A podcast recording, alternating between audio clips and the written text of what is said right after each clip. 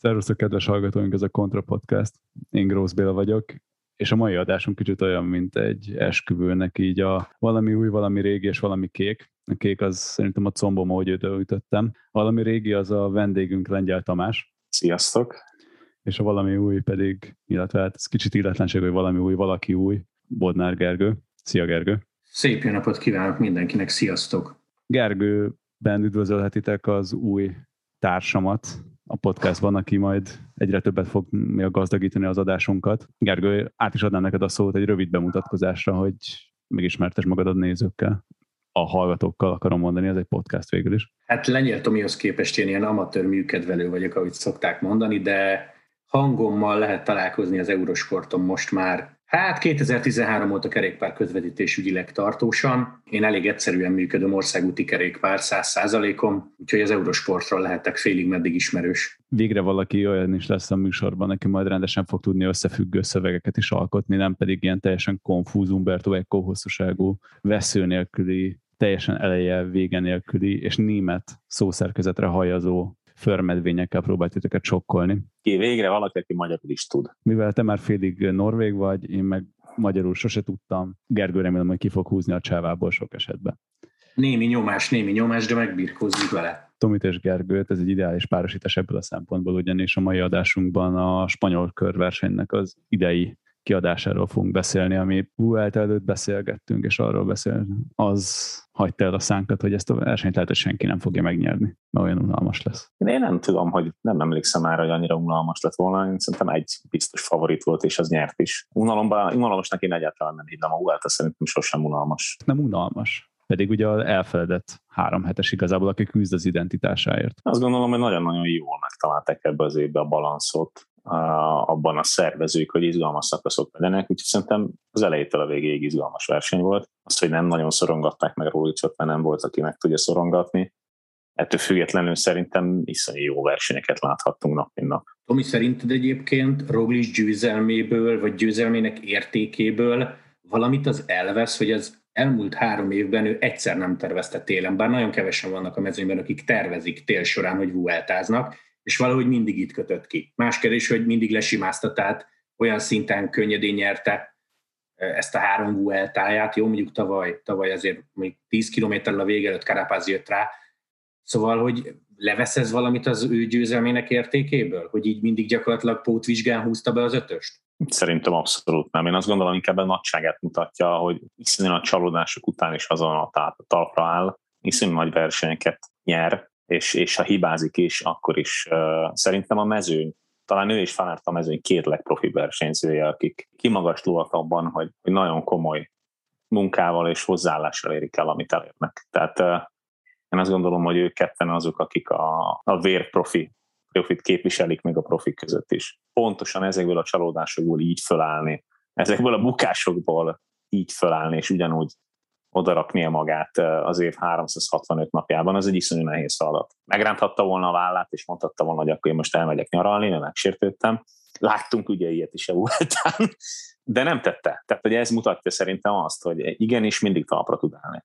Pedig azért csalódásból sem hagyja ki az élete rengeteg győzelem mellett. Kaotikus volt a Vuelta, már gyakorlatilag elején már teljesen káoszba indult, óriási bukták, és hogy így elkezdtem gondolkodni azon, hogy annyi szélezés, meg ennyi káosz gyakorlatilag egy túron nincsen, mint amennyit egy Vueltán most láttam. Szerintem egyébként van, nagyon sokat beszélgetünk erről, hogy mi történt a kerékpársportban az elmúlt években. Én azt gondolom, hogy a, a technológia és az aerodinamika kergetése, tehát a minél kisebb légállási kergetése vezetett ahhoz, hogy még gyorsabb a mezőny. Még ha ez nem is látszik annyira az átlagokban.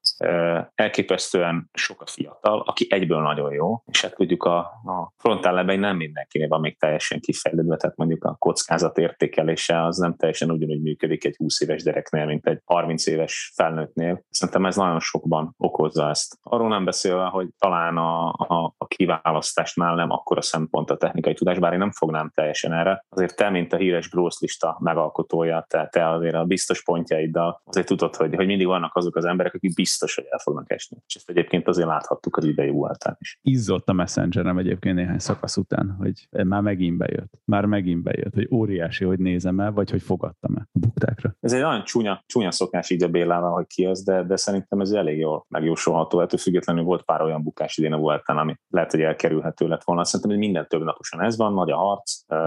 Láthattuk, hogy, hogy a legjobbak egyedül is képesek elesni, de azért, de azért az első hét az mindig-mindig nagyon, nagyon nagy a hírig, nagyon nagy a harc, és talán az is változott az elmúlt években, hogy már senki nem áll úgy oda, hogy ez nem fontos. Senki nem áll úgy oda a Vueltára se, hogy a VB-n jó legyek és hazamegyek. Idén ez már nem volt. Tehát ha emlékeztek, visszaemlékeztek az elmúlt 15-20 évben. A Vuelta az egy ilyen VB felkészítő verseny volt, meg néhányan rámentek, meg első áldozók voltak, meg ilyenek. Ez most már nincs. Nézzük meg a névsort. Roglic, Bernal, Carapaz, Yates, mindenki, mindenki Grand Tourt akar nyerni, felértékelődött, és, és ezért nincs az a, a elmegyünk, sprintel, aki akar, mi leszakadunk, készülünk. Tehát ez a Vuelta már nem az a Vuelta. Én azt gondolom, hogy ez tényleg mindenki meg akarja nyerni. Mondtad az előbb a technikai tudást, ez a Roglicnál egy tök érdekes kérdés, mert ő 2010-ben került be az első osztályba a World Tourba, és ha nagyon csúnyán meg gonosz mód szeretnék fogalmazni, akkor benne azért lehet bízni, hogy mondjuk egy egy hetes végén, egy három hetes közben esik, mint ahogy most is esett kétszer. Ez nála szerinted nagy hátrány ki lehet nőni, vagy egész egyszerűen erővel kompenzálja? Nem, brilliáns technikailag. Hát, ha megnézzük rögtön a prológot, a prológon időfutambicikvel úgy lejönni, hogy ő lejött, azt szerintem nagyon kevesen tudják. Egyébként érdekes lenne megnézni a, a részidőket is, de én biztos vagyok benne, hogy ő volt a leggyorsabb lefelé is. Annyi van, hogy, hogy egy ex beszélünk, aki nem fél. Én azt gondolom, hogy ő abszolút nem fél, ezért kockáztat. És, és aki kockáztat, annak néha nem adja ki. Tehát miért, miért menne egy GCS és miért támadna lefelé, elviszi a vére néha. De az, hogy, hogy miért esik el, mondjuk az a turbukás, hogy meglökték, átesett egy keréken, benne van. Az, hogy, hogy elesett más versenyeken, mondjuk volt tavasszal két, kétszer egy nap, és elvesztette összetettet. Melyik verseny volt az? Romandia, Svájc? Párizs, Nizza. Párizs, Nizza. Párizs, Nizza. Igen, benne van, de azért én ő nem sütném rá azt, hogy nem tud kerékpározni. Tehát ez azért nem az a Gerén Thomas féle esések, hogy, hogy néha bal szerencsé, de általában kirántom a saját kezemből a kormány típusú esések. Ez, ez a kockázat. Gyorsan mentem a kanyarba, nem adtak ki, na bum. De ez nem az, hogy nem tudok kerékpározni. Abszolút nála nem. De ilyenkor egyébként szerinted nem kéne neki szólni, és ez mondjuk tök viccesen hangzik, mert lehet, hogy egy utánpótlás versenyen ez neked eszedbe jut a kocsiba ülve, szóval nem kéne rászólni az autóból, hogy Primoz vezeted az összetettet, nem kell kockáztatni 20 másodpercére az első héten egy lefelében. Igen, de Nibali nyerti Grand Tourokat, hogy meghúzta lefelé, és aztán hemperegtek a cruise a hóban. Két élő fegyver, szerencsére nem sérült meg, nagyon komoly kalamajkát lehet okozni lefelé, és, és Roglic tud lefelé menni, hiába nem mindig adja ki neki, ő azért az egyik legjobb szerintem a mezőnyben, és ezt meg is próbálja saját előnyére fordítani. Mondom, sokat kockáztat, ahogy mondott, fölöslegesen lehet. Az, hogy mit hallanak a rádióba, én ezt a rádiómizériát már sokszor mondtam, hogy mit hall az ember, egy rohadt nagy recsegést. Két hegy között, a kocsi még lehet, hogy fölsért a hegytetőre, amikor ő már 15 kanyarra lejjebb van, semmit nem hall. Azt nézed a tévét a kocsiba, látod, hogy kockáztat a versenyző, bármit mond, azt nem hallja. Azért ez a rádiókommunikáció, ez, én nagyon szívesen bedugnám az emberek fülébe, tehát én, én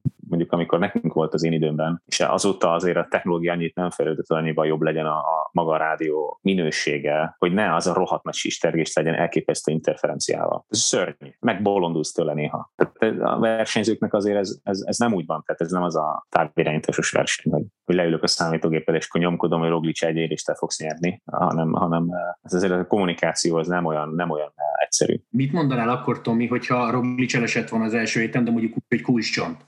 Bal szerencse. Én azt gondolom, hogy mondom, ahogy ha látja őt az ember kerékpározni, nem az jut eszébe, hogy nem tud kerékpározni. Ezek nem azok a lehetetlen helyzetekben megrántott fékes esések. Meg. Ez az, mint, mint ahogy a Valverde elesett és eltörte a kulcsontját. Bement egy gödörbe, lecsúszott a keze a kormányra, megtörténik 41 évesen is. Eltört a kulcsontja, bum. Szerintem egyébként a Vuelt egyik legnagyobb jelenete volt, hogy a Roasz oda ment hozzá, hogy kihalásza a gödörből, fölállt, és akkor a Valverde mutogatta a kulcsontját, Roasz oda nyúlt az ujjaival, megtapította, és, és egy fintorral az arcán visszaült a biciklire. Tehát ott meg is volt a diagnózis, oda már nem kellett orvos. Ez, ez ilyen, kulcsontörés, kulcsontörés. Nyilván elmehet rajta egy egész verseny, de hát azért, aki kerékpáros versenyzést adta a fejét, az tudja, hogy, hogy az ritka, hogy az ember nem beri oda magát. Főleg mióta ekkora hírig megy a pozíciókért. Tehát azért ez régen nem így volt szerintem. Legalábbis nem ilyen mértékben.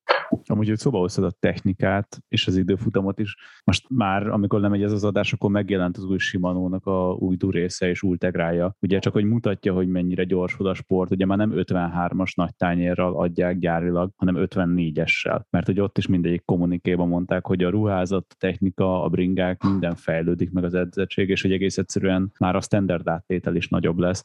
És ugye az olimpia alatt is nagyon sokat beszéltünk, hogy ez az időfutam, meg egyáltalán maga a top csapatok mennyire elindultak egy ilyen tényleg technológiai háborúba. Hát én az olimpiai idők pályán, és úgy általában ez az egész értelmetlenítette az időfutamot. Tehát a, akkor a különbség lett verseny és versenyző és között, hogy itt már rég nem arról szól, hogy ki a legjobb. Itt már nagyon sokszor arról szól, hogy kinek van a, a legjobb technológiai háttere, ha jó. Nyilván, ha gyenge vagy nem nyersz időfutamot, de ha csak simán a teljesítményeket néznénk, akkor nem ezek az eredmények születnének. Én nagyon szeretném végre egy-egy olyan versenyt, ahol fölülünk a, ugye régen mi úgy mondtuk a pályán, a parasztra, tehát hogy a sima bringára, és akkor mindenki jól megtekeri. Ez, ez sajnos nagyon-nagyon ritkán van, pedig sokkal sokkal kiegyenlítettebb lenne, még úgy is, hogy a ruhában rejlő varázslat, meg a beállított pozíciók az országúti kerékpáron, meg a kerekek, meg minden még így is lehetne játszani, de akkor sem lenne ennyire aránytalan, mint most. Ha megnézzük az idei időfutam versenyeket, akkor igazából Jumbo, Ineos, Quickstep, és akkor néha, néha még a, a Küng, a Frances Desjardins, de nagyon sokan nem férnek oda. Tehát én szerintem ezzel gyakorlatilag az időfutam értelmét veszítette. Hogy egy pozitívabb téma legyen, akkor egyébként a nagy visszatérő magán a Vuelten ugye viszont Jakobsen volt, akinek horror bukása volt tavaly, és hát hogy nem csak hogy a karrierre, de hát az élete függött ugye. Két, két nagy uh, eredmény volt szerintem a Philipsen, hogy ő is, ő is a Tour de France, ugye ha emlékszünk a síros jelenetre a Tour de France-ról, hogy nem sikerült neki nyernie, és ő behúzott két szakaszt, aztán persze hazament betegség miatt. Én, én vele kezdeném, hogy ez egy, ez egy rendkívül komoly teljesítmény, hogy az ő csapata az Alpecin ilyen jól teljesít, és úgy, hogy igazából mindenki azt gondolta, hogy majd a Matyi hozza a pontokat egész évben, és abszolút nem lett az, hogy csak Matyi függő a csapat, hanem, hanem minden körversenyen, ahol elindultak, iszonyú jól teljesítettek. Jakobsen visszatérése, azért ennek már voltak jelei a Vuelta előtt is. Elég jókat meccseltek Jakobsennel a, a, a verseny elején, aztán gyakorlatilag egyedül maradt Jakobsen, és úgy maradt rá a zöld trikó. Azt gondolom, hogy egy, sokat beszélgettünk erről korábban, hogy mi lesz vele. Az jött be, hogy ő versenyző akar lenni, hála Istennek. Ez egy, ez egy szerencsés dolog. Nem lett benne semmilyen gát, ami megakadályozná mentálisan abban, hogy újra mezőnybe futókon harcoljon, úgyhogy ez egy, ez egy egyébként fantasztikusan jó dolog, hogy nem elment a sülyeztőbe egy komoly sérülés után, hanem, hanem igenis a csúcsra tért vissza, és azt gondolom, hogy ez csak a kezdet. Szóval ilyenkor te mit gondoltál róla? Tehát ez nálad 50-50, tehát hogy vagy visszatérés olyan sprinter lesz, aki három heteseken tényező, vagy egész egyszerűen félni fog a, a mezőnyhajrákban. Tehát mondjuk egy hónappal a lengyelkörös bukás után te magadba, amíg emlékszel, mit gondoltál róla? Úgy voltál vele, hogy ez kb. kb. örülünk neki, hogyha visszatérés valamilyen szinten teker, vagy bíztál benne? Szerintem vissza kéne hallgatni egy általad készített podcastot, ahol erről szó volt. Nem emlékszem pontosan, mit, tudtam, mit mondtam, de igen, tehát lehet ez is, az is. Nem tudom, ilyenkor nem lehet eltenni soha. Nyilván semmire nem emlékszik, tehát az akkor a gát nem lehet. De azért az a rehabilitációs procedúra, meg az, amikor, amikor valaki elveszíti az arcát, és kompletten újat építenek neki, és ezzel meg kell barátkozni, azok nem, nem olyan könnyű dolgok. Talán emlékeztek, melyik magyar zenekarban volt a, talán Judinak hívták azt a lányt, aki autóbalesetben. Igen, igen igen. Ő is szerintem volt vele pár riport, hogy mennyire komoly feladat volt elfogadni azt, hogy ne, ne, nem az néz vissza a tükörből, aki volt. És talán, talán ezek, ezek a dolgok talán még nem is jöttek ki. Én azt gondolom, hogy nagyon-nagyon komoly támogatást kapott a Jakobsen, és, és uh, nagyon hamar túllendült ezen. Én, én számomra legalábbis. De azért, hogy mi van a háttérben, azt nem tudjuk. Tehát most leülne egy pszichológussal beszélgetni, hogy édesfiam, hogy érzed magad, akkor, akkor lehet, hogy, lehet, hogy azért vannak még ott problémák. De inkább örüljünk neki, hogy, hogy visszakaptunk egy kiváló kiváló versenyző. Egyébként ezt nem tudom, hogy olvastátok-e, amikor három nappal a lengyelkörös bukása után bement a barátné az intenzívre, akkor a szemöldökéről ismerte meg, mert olyan szinten átalakult az arca Jakobsennek. Ezt csak ugye a hallgatóknak mondom, hogy ilyen szintű volt a bukás. A saját barátnője nem ismerte volna meg, vagy nem ismerte meg konkrétan. Hát a, a lőfelve nem tudom, hogy emlékszel hogy az első Twitter, ami a bejegyzés, ami volt erről, hogy gyakorlatilag eltűnt az arca. Ez, ez volt a bejegyzés konkrétan, tehát ezt az ember el tudja képzelni, hogy milyen egy szörnyű baleset volt, látjuk, hogy az orvostudomány mire képes, hála Istennek, meg hát egy nagyon kemény srácról lehet szó, azért ezt, ezt biztos, hogy el kell ismerni. És mondjuk adjuk meg, hogy azóta még mindig nem változtatták meg a befutóknál a kordonokat olyan jelentősen. Néhány versenyen igen, meg lehet, Van rá, van rá új szabályozás, egyszerűen ezeket nem lehet olyan gyorsan bevezetni, hogy hogy a szervezőknek ne okozna lehetetlen küldetést, úgyhogy szerintem a jövő évtől egyre többet fogsz látni ezt a felfújható verziót, amit már nem is tudom melyik versenyen kísérleteztek. Egyébként a Tour de Hongrin is volt erről szó, csak nem lehetett olyan gyorsan kivitelezni, mert ez például a Tour de Hongri szervezőjének szerintem az első között jutott eszébe, hogy hogy lehetne ezt a kordon problémát megoldani az utolsó kilométeren belül, legalábbis a sprinten. Ettől függetlenül láthatjátok, hogy ez, ez nem csak a sprinten lehet nagyot esni, hanem bárhol a mezőnyben. Az utolsó 20-30 kilométeren belül, és talán eltűnt a hierarchia a mezőnyből, ami régen volt.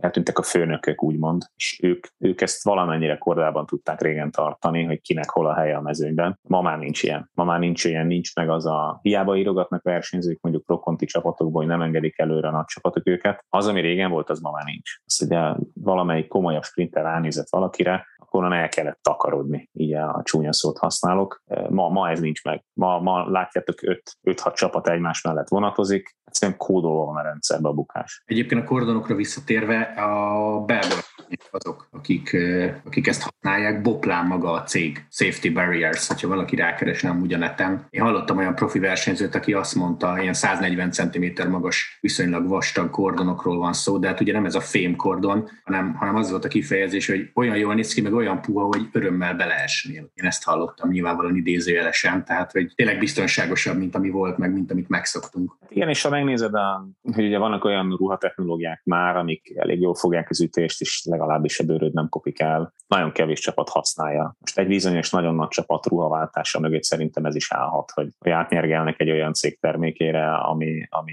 már alkalmazza ezt a technológiát, ezeket az anyagokat. Egyszerűen nem engedhetik meg maguknak a csapatok ezt a mennyiségi sérülést, ami, ami jelenleg van a kerékpársportban. A bukás benne van, de azok a, azok a horzsolások, ha csak horzsolásokról beszélünk, a, aki már hemperget 60-nal, azt tudja, azokkal nem lehet versenyezni tovább rendesen. Tehát egy olyan gyulladás a szervezetben, egy olyan, olyan munka a szervezetnek azokat helyreállítani, hogy ott, ott az energia elmegy a versenyzésről, nem lehet. De ezért, ezért ebbe szerintem egyre többet fognak, több energiát és pénzt, hogy valamilyen szinten védettebbet legyenek a versenyzők, amennyire természetesen ez lehet lehetséges. Kicsit a, a, úgy fogalmaznék, hogy ugye a csomó profi sportban a védőfelszerelések, azok annak a kialakulása hogyan alakult ki, talán azért is, hogy védjék a sztárjaikat. Tehát a véletlen jó vagy kosárlabdába a szabályozás megváltoztatása, hogy ne legyen annyira brutális, mint mondjuk a Jordan érában volt, hogy gyilkolták egymást. Szerintem a kerékpársportban is jön egy olyasmi, hogy egyre többet kell fizetni a versenyzőknek, egyre nagyobb az érték, tehát amikor Pogácsárod van 6-7 millió euróért, akkor mindent el kell követned, hogy ha történik is valami, ne történjen nagy baj. És uh, eddig mindenki az a kísérletezett, hogy tartsuk elől a legjobbakat, el lehet tartani, de lassan ez is kevés kezd lenni. Én azt gondolom, hogy valami ebbe az irányba biztos, hogy lesz változás időre.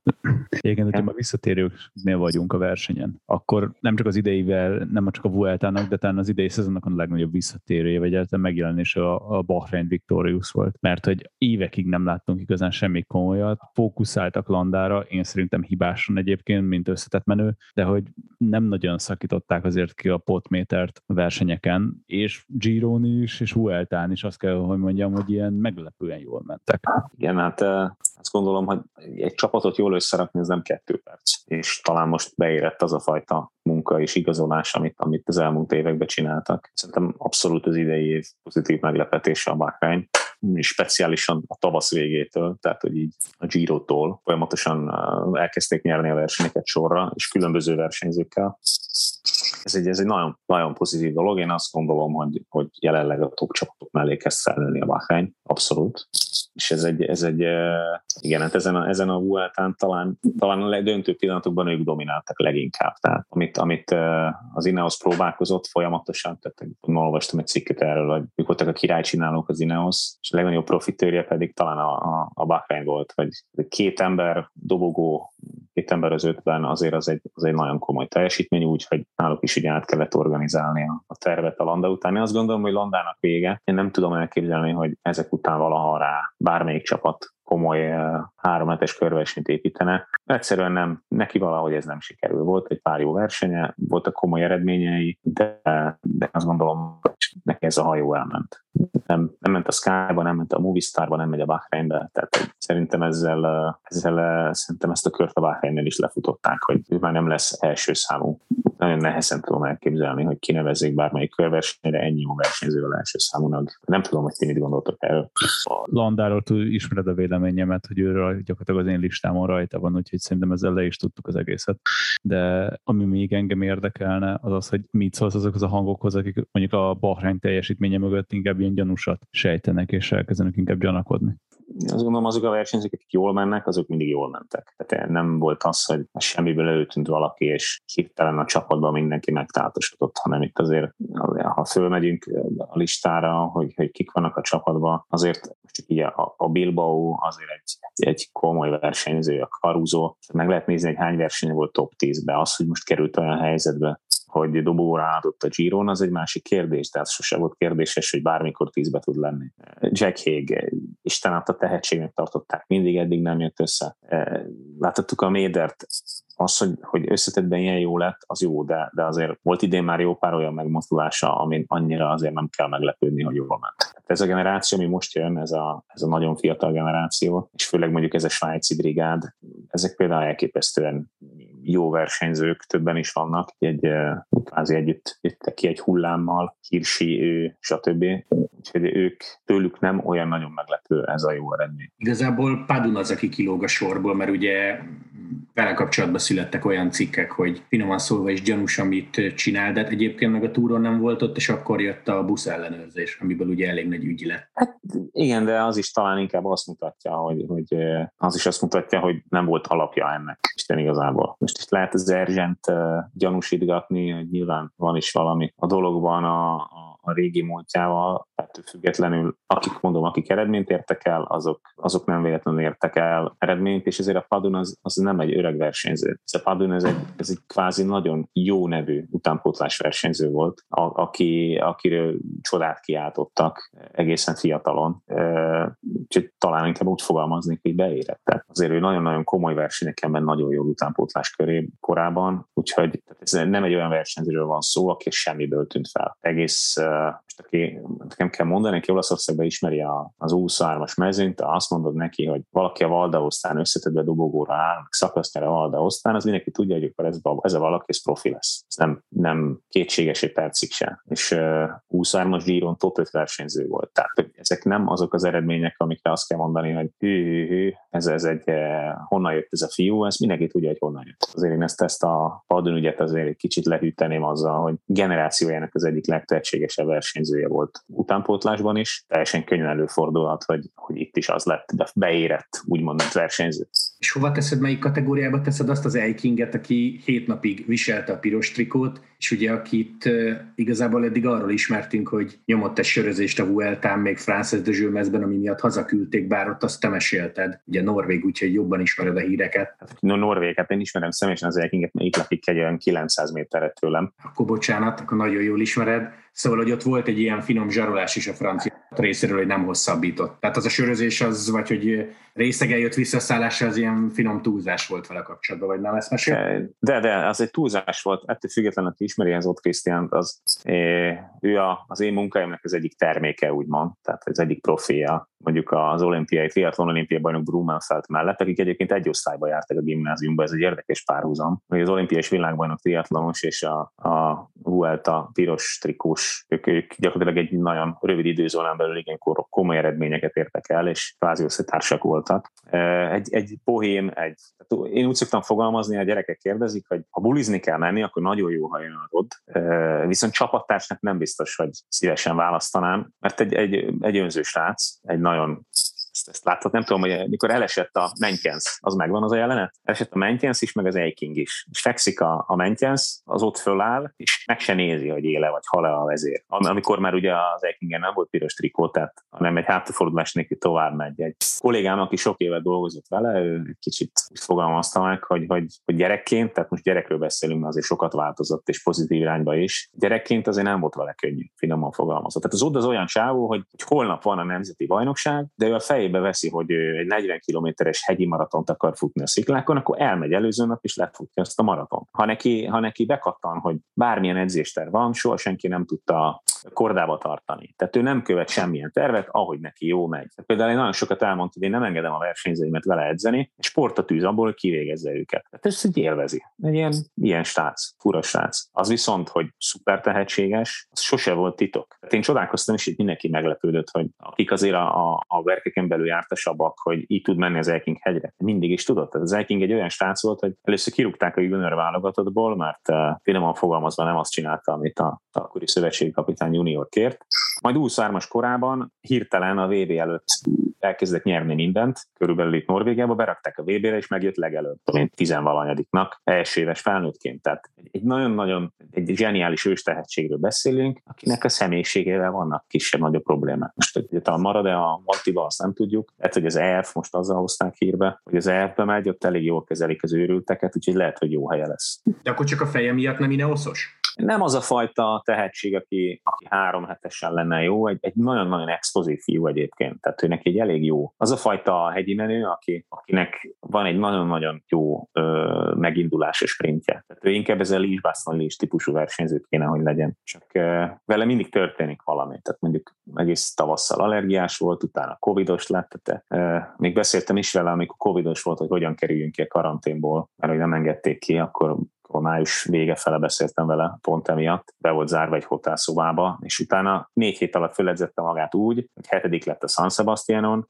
a második lett a, a, az Arctic részen, kikapott a sprinten, ezért nem nyerte meg az majd, majd piros tikus lett a Vueltán. Tehát azért nem, egy, nem az volt, hogy csak a Vueltán ment jól az ott, meg hát nyilván egy iszonyú szerencséje volt egy elmenéssel. Azért ez nagyon ritka, hogy valaki belekerül egy 10 perces elmenésbe, és elengedik és átveti a trikót, a Jumbo-nak tökéletes volt, de ha nincs benne abban az elmenésben, akkor nem tudjuk meg, hogy ott mit tud. De Tomi, mesélj a lényegről, hogy voltatok együtt sörözni, ha már együtt Nem, nem, én, én nem megyek versenyzőkkel sörözni. Erre kínosan ugye lesz. És tudjuk, hogy hány sör volt annó az FDZ-ben, arról mesélt? Vagy ez, ez hatalmas kamu volt? Volt sör, de nem reggeli gyászat volt, mert ugyanúgy kim voltak többen is a csapatban. Atya úristen, hogyha most téged még komolyan meg kell arról győzni, hogy a sisak hordása mennyire fontos, és mennyire az életedről szól, akkor lehet, hogy ezt az egész spotot inkább ugord át. A leggyanútlanabb helyzetekben tud utolérni téged a baj, legyen szó munkába járásról, vagy mondjuk akkor, hogyha csak a gyerekkel elugrasz egyet fagyizni, és eldöltök valamiért, tehát valaki nem figyelt oda. Ne kockáztas. Menj el a legközelebbi Decathlonba, ahol nem csak a házi márkák, de olyan nagy nevek közül, mint a Giro, Bell, vagy akár a Mavic is válogathatsz, és egy felnőtt sisakot már 4990 forinttól, és egy gyereket már 2490 forinttól megvehetsz. Úgyhogy őszintén, nem pénzkérdés a biztonság. De amúgy meg, hogyha cinikus akarnak lenni, és neked válaszolni, Gergő, hogy miért nem Ineoszos, akkor majd tíz év múlva lesz Ineoszos, amikor már sikeres volt, és kiöregedett. Nem most ez a új Ineoszos csapat összerakási taktika. Illetve én azért nem mondanám ezt az Ineoszra. Nem, nem azt érzed, hogy ilyen fantasy focit játszanak egyébként a csapattal? Hogy összevásárolgatják az összes ilyen szuper domestiket, aztán igazából nincsen top versenyzőjük? Csomó top versenyzőjük van, a két-három legjobb náluk, nem náluk van. Ugye az Ineosnak az volt mindig a taktikája, hogy megvette a legjobb fiatalokat, a nagy részével befürdött, ugye a legjobb 23-asokat. A legjobbak állandóan ott landoltak náluk, valahogy azoknak a szintre hozása nem sikerült. Dombrovski, sokan, sokan voltak, akiket, akiket megpróbáltak. Bejött neki tavaly a Giro a, a Taóval, de se előtte, se utána semmi. Jelenleg a mezőn két legjobbja nem náluk van, vagy három, és úgy nehéz versenyezni. Bernál nem ott tart, ahol, ahol tartott, explozívabbak, jobban mennek időfutamot nála többen, jelenleg nem tud nyerni. Nincs az a fajta fölény, ami volt, és hiába van, tehát egy igazi vezér nélkül, és akkor itt most választok mindenki arra, amire mindig mondta, hogy az Ineos így unalmas, úgy unalmas, nem volt az Ineos akkor sem más, mint most, volt egy Chris Froome, aki mindenkinél jobb volt. Most nincs. Most nem Chris Froome van, hanem olyanok vannak, akik jók a harmadik, negyedik, második, harmadik, negyedik, ötödik, hatodik helyre. Ilyenek vannak. Győztes nincs, aki, aki a Grand Touron, ha ott a Roglic, ott a Pogácsár oda tudna férni.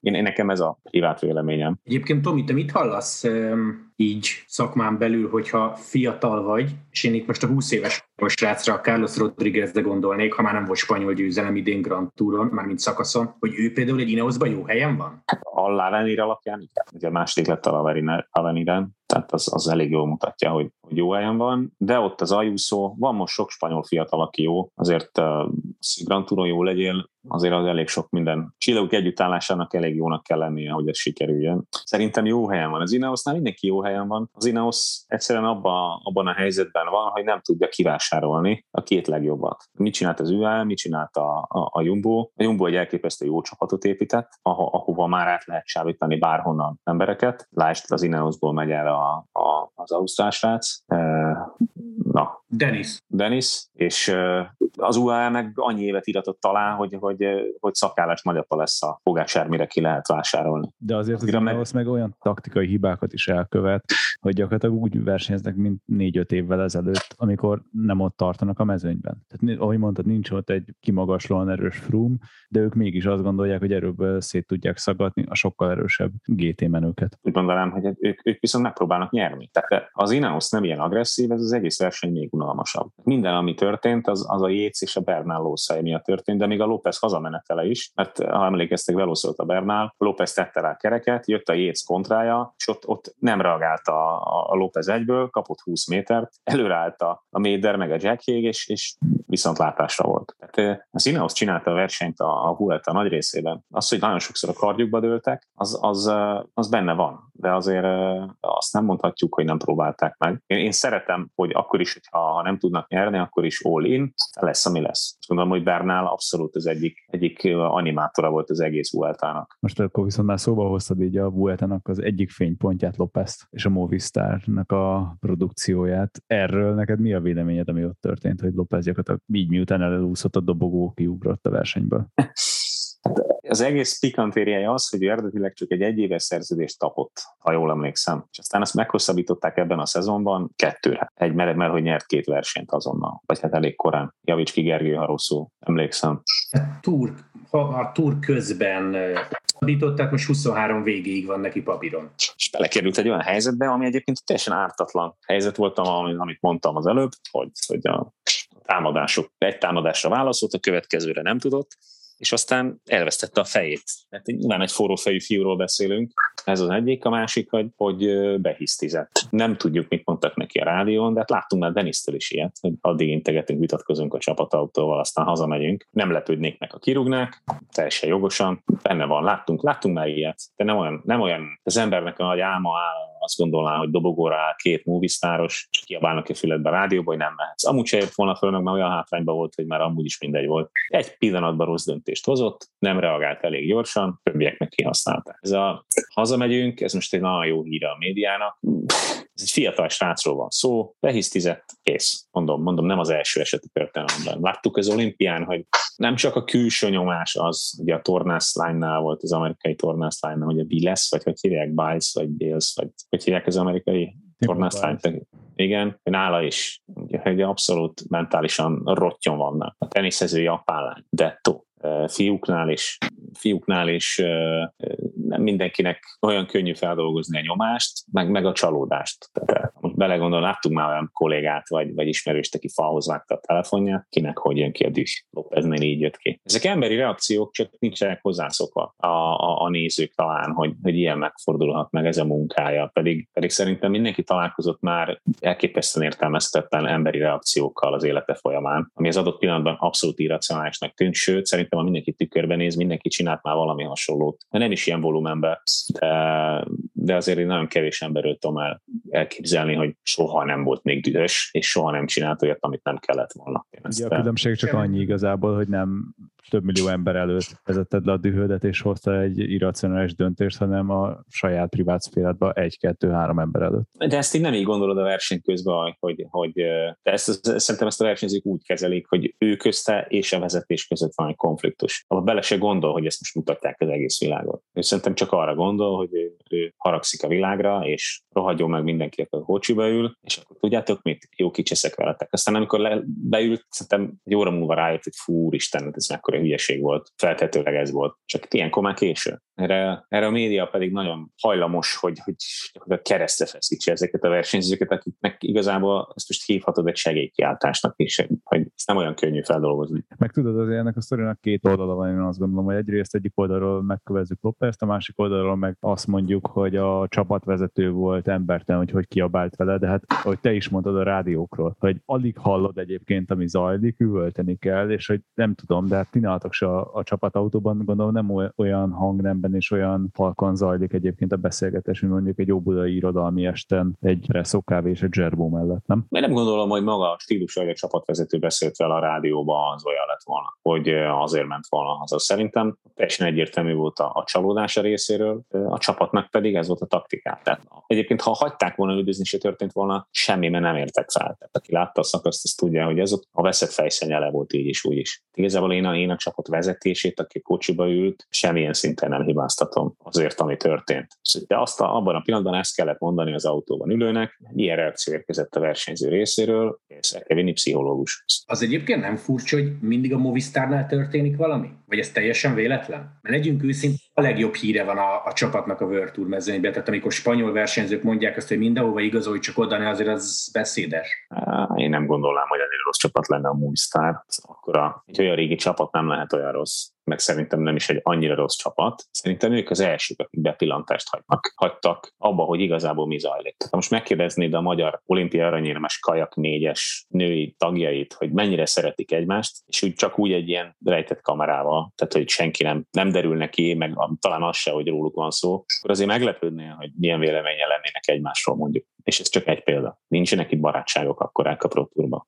Tehát ugye, ha emlékeztek a Kolumbia csapatra, hogy, hogy mekkora összetartó brigád volt, igaz, kifelé. Mindenki egymásé dolgozik, és megnyertem tudom, 60 versenyt egy évben. Emlékeztek rá? Cavendish, Rensford, Tony Martin, stb. Most nekem voltak ismerőseim, ugyanott laktak a hotelba, velük, edzőtáborban voltak ők is, meg a, meg a HTC is, és konkrétan, amint lehetett, szóba sálltak egymással versenyzők, egyik jobbra, másik balra. Ez nem olyan ritka, nem olyan ritka a profi sportban, nem kell barátoknak lenni, azért ez valamilyen szinten egy munkahely is. Az, hogy a Movistar bepillantást engedett egy csapat hétköznapjára, szerintem ez egy, egy iszonyú jó show, most röhögünk rajta, de nyugodt lehetsz, hogyha ha betennéd egy, egy más csapathoz a kamerát is, ugyanígy, és ugyanígy a belső konfliktusokba beengedést, beengednének, hogy bele tekints. Mondjuk csak egy ilyen, akkor most az egyik kedvenc veszük a paripát Gergő DSM. Mondjuk így egész szezonban benne volna egy kamera, meg így belepillanthatnál az e-mailezésbe, belső beszélgetésekbe, azért lenne mire röhögni. Nem lehet úgy adás, hogy ne hoznék amerikai sportanalógiát, és ugye amit te mondasz, Tomi, hogy most mennyire minden átláthatóvá válik, és mennyire ki vannak rakva a sportolók. Gondoljunk mondjuk egy Jordanre, aki ugye teljesen isteni, ikonikus alakja a kosárlabdának, és hogy nem lehet egyébként hozzáérni se, senkinek, se LeBronnak, se Kobe-nak, senkinek. Tehát egy teljesen más liga. De hogyha meg megnézed, hogy mondjuk mai szemmel mit csinál, és hogy azzal a viselkedéssel, azzal a szerencsejátékkal, azzal a egymás csapattársával való viszonya, az a trash ma már nem tudna így ennyire érinthetetlen maradni. És hogy teljesen más ma már ez a sportlóknak ez a nyomás, és ezt tök aláírom, hogy ez a mentál higiénia és mentális teher, ez elképesztő lehet egyébként egy sportolónak, aki, ahogy mondtad, Lópezni, és pillanatok alatt kell dönteni. Hát ha annál maradunk, akkor Lance Armstrongnak se hiszem, hogy sok US posztálos vagy discovery barátja van. Olyan nagyon jó barátja, mondjuk Hinkepit leszámítva. Tök jó, hogy valaki visszahozta a kerékpárra itt az amerikai sportos hülyeségem. Köszi. Igen, ez az egyik.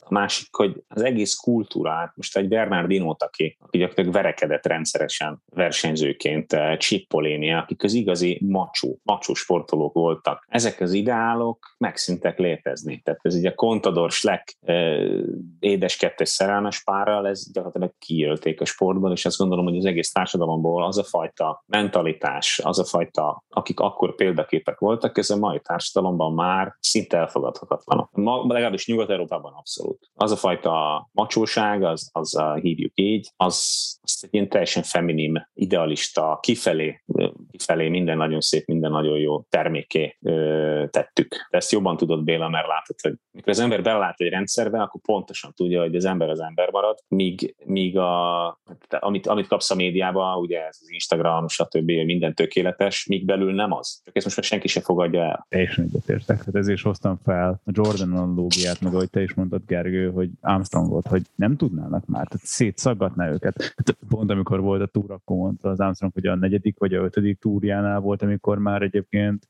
mesterlövészek voltak a kísérő autóban, mert annyira féltették, és még akkor egyébként, na akkor ekkora volt a blowback így a társadalomtól az ő viselkedésére. Most azt gondoljuk el, hány éve gyert a, nem, nyert, bocsánat, nem nyerte meg Armstrong ugye a túrt,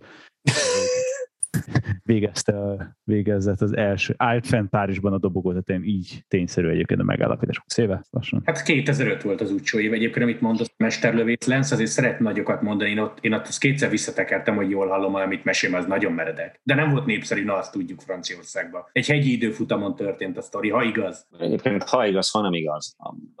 Nyilván neki volt bőven ellensége, meg mindent meg is tett, hogy legyen bőven, de én inkább úgy fogalmaznék, hogy, hogy olyanok, akik nem tettek másokat tönkre, hanem, hanem csak egy ilyen erősen domináns személyiséggel rendelkeztek, sem férnének ma már el a sportban, a profi sportban. Mert az a termék, amit a, a cégek társítanak, vagy az az image, amit társít a cég ezekhez a sportolókhoz, abba ez nem fér bele. De nem lehet a versenyzőnek véleménye. Csak az, amit a cég képvisel. Tehát nagyon nehéz dolguk van a versenyzőknek, és mivel mindenkinek a kezében van egy kamera, meg egy mikrofon, ami régen nem volt, ezért, ezért minden azonnal nyilvánosságra is kerül. És ezt így élni az életüket, úgyhogy nem tudnak bújkálni, és ezek a kerékpárosok azért nem Cristiano Ronaldo, hogy, hogy amerre egy falat építhet maga köré, hanem, hanem azért úgymond elérhetőek és kézzel megfoghatóak a, a társadalom részéről minden pillanatban. Nagyon nehéz dolguk van. Sztárok, egyrészt mindenki ismeri őket, mindig, mindig, minden esetben példát kell mutatni, mert ugye a sportoló az, az mindig példa, példa mutató és példa mutató magatartást mutat, soha nem hibázhat. Na most próbálj úgy élni egy életet, hogy soha nem mondasz rosszat, vagy soha nem csinálsz hülyeséget. Szerintem senkinek nem sikerült még.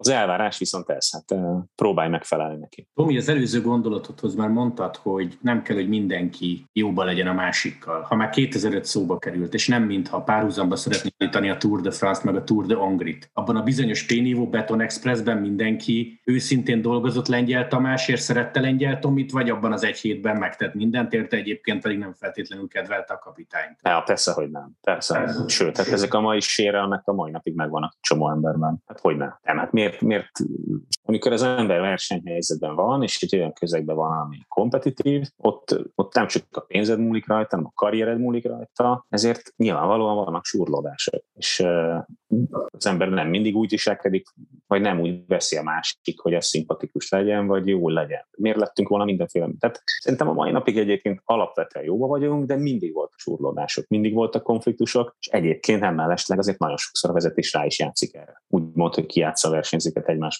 ellen egy csomó helyzetben, és egyébként nálunk is sokszor volt ilyen helyzet. De amit Persze, de... kérdeznék, nem kell, hogy nevet mondjál természetesen. Tehát volt hogy valaki szívét, lelkét belerakta a melóba, érted, de egyébként meg civilbe beszéltetek két mondatot. Mm, én azt gondolom, hogy az én időmben azért az nem volt, hogy két mondatot beszéljünk civilként. Tehát mi annyit ültünk együtt gyerekkorunktól a nagy részével, annak a brigádnak, hogy kívülbelül ismertük egymást. Nem voltak ott meglepetések. Attól függetlenül, hogy voltak konfliktusok, de azért én nagyon hálás vagyok csomó embernek ott, aki, és, és egyébként akikkel sok konfliktus volt, azok között több olyan volt, aki egyébként tudtam, hogy a belét ki fogja dolgozni nevek nélkül. Tehát a konfliktusok ellenére azt gondolom, hogy nagyon sokat köszönhetek.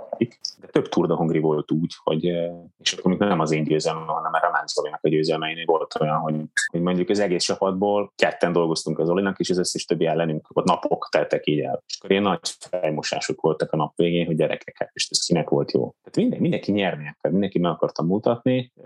Nem mindig állt a vezetés a helyzet magaslatán, azért egy-egy ilyen komolyabb versenyen összekaptuk magunkat, de ha kisebb versenyeket nézel, tehát olyan nagyon sokszor volt, hogy iszonyú vitába ö, fajult egy-egy verseny, meg anyázásba, meg, meg olyan is ott, hogy volt egy-egy ilyen versenyző, akiket a legjobban utáltunk, akik, akik kijelentették, hogy ők ma ők nyernek, ők nem segítenek senkinek. És akkor persze összezártunk, csak ellene mentünk.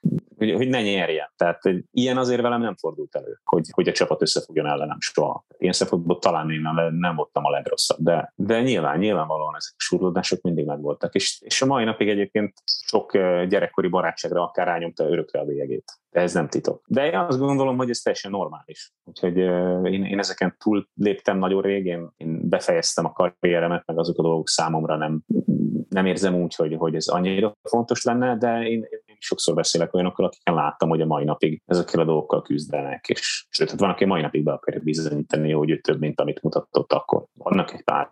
De nem menjünk el a, a pszichológiai irányába. Tehát Nem, nem kell barátnak lenni, munkahely, ez a dolgot, szerintem a DSM-nél ezt elég jól kezelik, ha, ha olvastál erről, vagy hallottál ezekről a dolgokról. Munkahely, vezetés, ez a dolgot, ezt csinálta, nem tetszik ki vagy rúgóval, kész. Mondjuk, hogyha DSM-et szóba hoztad, azért ők eléggé feltámadtak, mint Phoenix a Hanvából itt a Vueltára az egész szezonos semmit tevésből, vagy nulla eredményből. És ugyanúgy, ahogy a Tour de France, hogy elképesztő komoly csapatmunkával minden nap. Megint, megint volt egy jó emberük, pár D is nyert végre, az összetett elment az első két nap, szerintem kiválóan dolgoztak. Láthattuk azt a DSM-et, amit, amit tavaly láttunk a legtöbbször. Nagyon jó funkcionáló, iszonyú jó taktikával versenyző csapatot. Azt szerinted, Megint a vezetést. szerinted számít valamit, hogy a hegyi trikó sztória révén már a Walter a ti csapattársa lesz, vagy ez a ti helyzetét pont nem befolyásolja? Szerintem a leginkább alul teljesítő csapat idén a Frances és ő, ha mindent együtt nézünk. Nem tudom, hány győzelmük van, de nagyon sok nincs.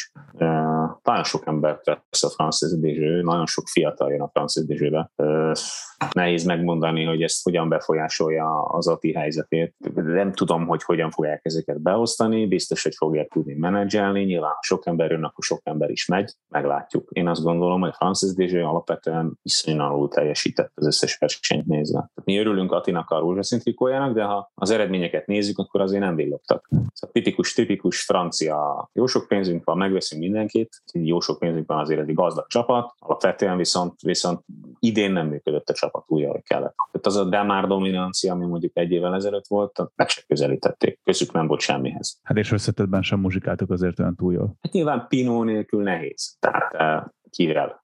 Hát ott van Godó, nem? Godő, francia. Godő. Hát oké, okay. nem, nem, nem adtak ki. Én, én azt gondolom, szerintem, szerintem ők egy kicsit csalódás voltak ebben az évben, most nincs vége az évnek, majd rám számfolnak így évvégén.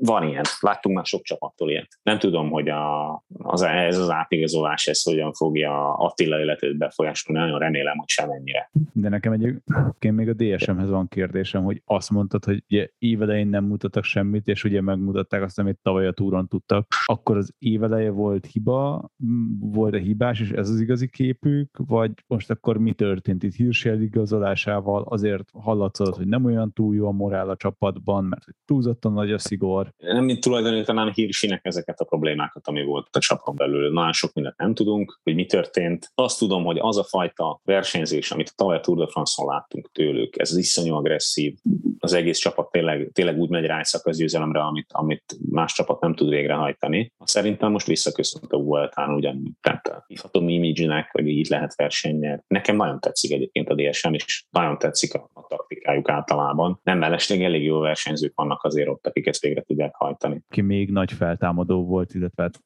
nem mondanám azt, hogy meglepetés, mert ő mindig jó versenyző volt, de hogy Kort Nielsen elképesztően nagyokat ment, és iszonyat okosan versenyzett. 23-as korában is egy zseni volt, én nekem volt szerencsém itt látni. Talán még a Kolo Quickbe ment, és itt a Norik körül még Conti versenyzőként szétszette a mezőnyt egy csomó versenyen. Egy, egy elképesztő tehetséges srác, egyébként a VB trikó egyik várományosa lehet jelen helyzetben, Fanart mellett.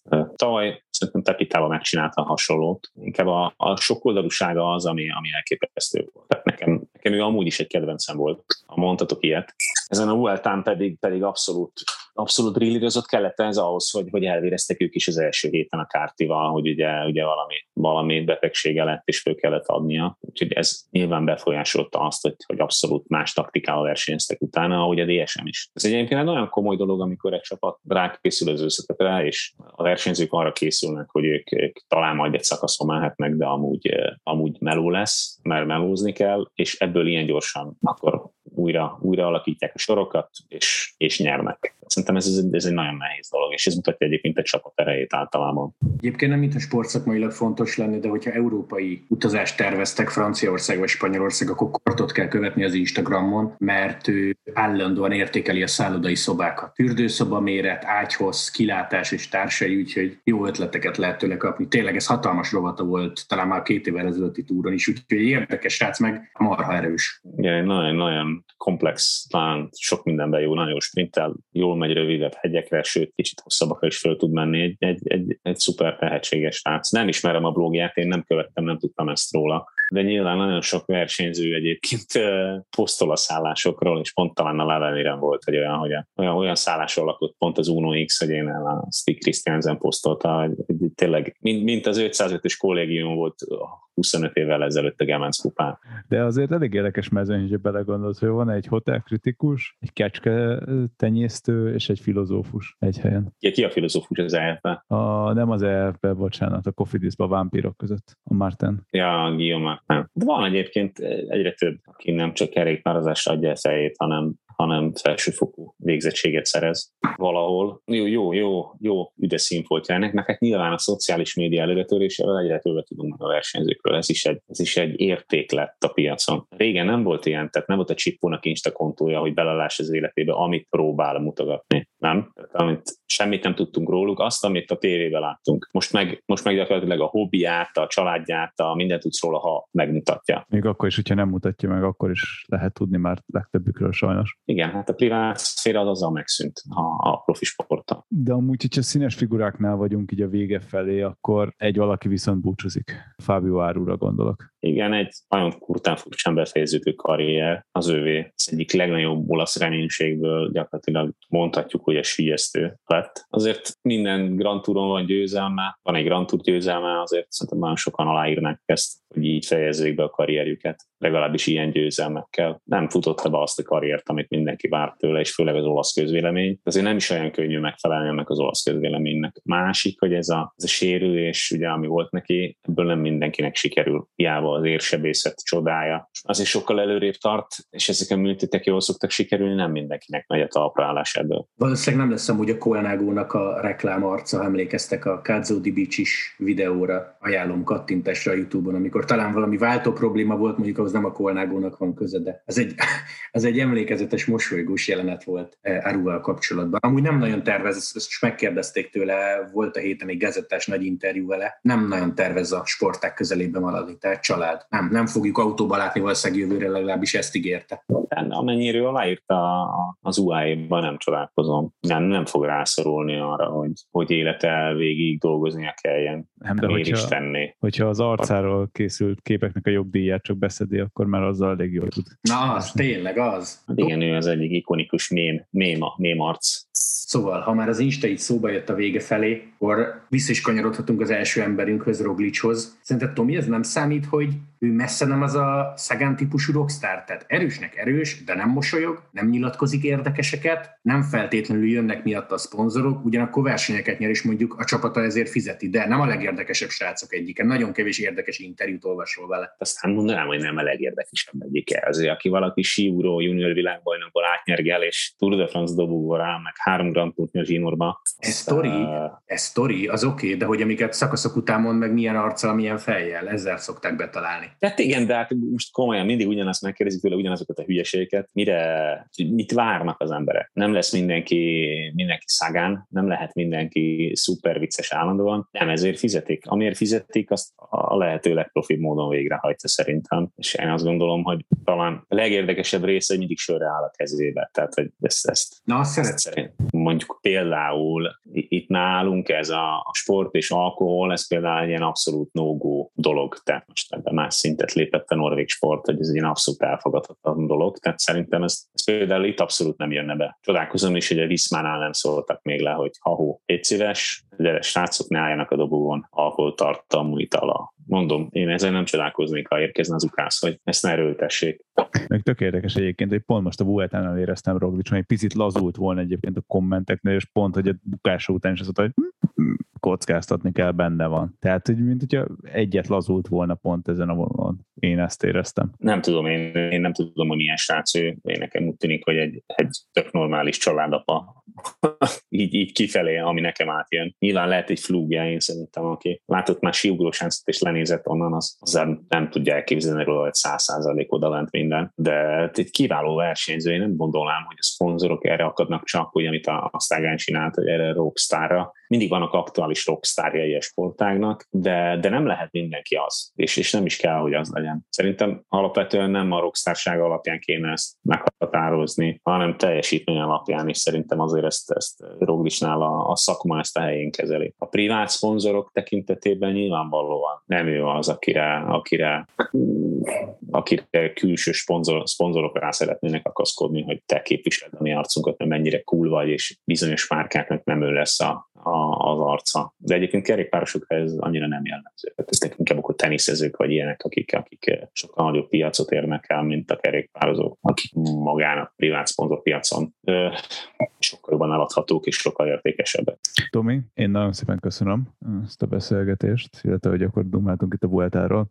Az nélkül nem megedlek el téged azért, hogy azt meg ne tennéd meg, hogy kinyeri meg a VB-t. Lassan az elme itt van a nyakunkon az is, utána is fogunk egyet beszélgetni, de te mit gondolsz? Az első számú tippem jelenleg, és ez a tök papírforma fanárt.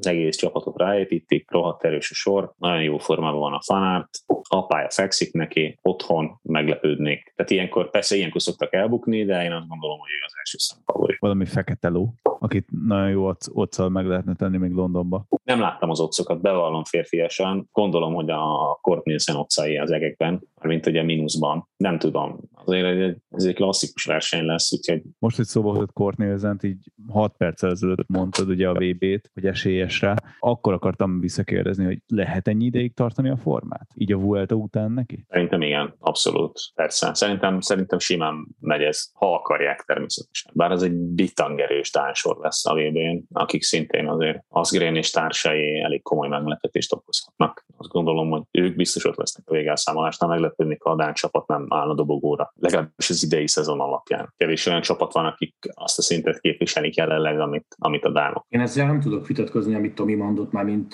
világbajnoki esélyek. Én soha nem szoktam a papírformát mondani, legendásan nem tudok tippelni, de ha valaki milliókat szeretne nyerni, akkor Colbrelli. Egyébként igen. Nem, nem lesz jó, nem lesz jó otca már. Tehát én, én meglepődnék. Nem láttam az otcokat, érdemes lenne végignyálazni. Tehát azt mondjátok nekem, hogy egy összefogott olasz válogatottat látnánk a VB-n? Lehetséges, hogy inkább megnézek a azért... a Netflixen inkább. Nem, én azt gondolom, hogy nem. Ami, amióta a Kászáni van, azt gondolom, hogy az olasz csapat azért jól dolgozik. Én szerintem a Kászáni egy abszolút, abszolút jó. Ráadásul utolsó éve, tetszett kifut a szerződés, és nem hosszabbít tudtam Én, én nagyon meglepődnék, ha, ha, ha rosszul mennének az olaszok. Bár azért egy klasszikus, klasszikus pálya, tehát ezt ők nem szokták szeretni, de ahogy Gergő mondja, Colbrelli az, az Colbrelli. Meg biopció Trentin, illetve amit Tomi mondott, hogy tényleg amióta Cassani van, a botrány kevés, valóban nem marad, és van egy olyan plegyka, de hangsúlyozom plegyka, hogy Pozzátó, mint szövka. Hát, nem tudom, talán cassani az a az olasz kerékpársportok azért vannak, akik nálam jobban ismerik, de cassani szerintem az, az, amit te is mondasz,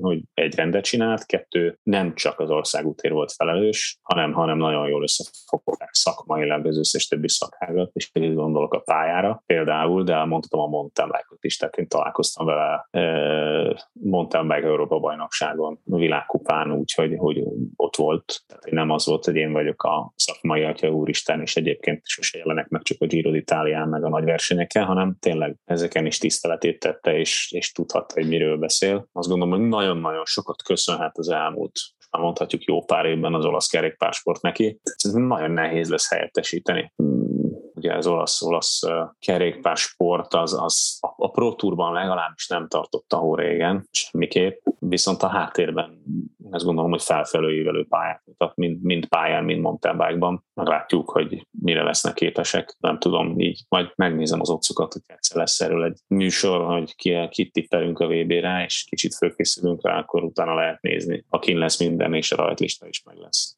Tomi, még egyszer nagyon szépen köszönjük a beszélgetést, meg hogy itt adtál betekintést itt a szakmai berkekbe, itt a, a profi kerékpársportba. Nektek még nagyon szépen köszönjük, hogy meghallgattatok minket, és hát remélem, hogy tetszett az új kombónk itt Gergővel. Egyre többet hallhatok majd minket így kettesben. Aztán, hogyha tényleg tetszett, akkor nyomjatok egy jó review-t, vagy támogassatok minket Patreonon. Egyébként meg jövő héten újra találkozunk. Úgyhogy addig meg egy jót. Sziasztok! Sziasztok!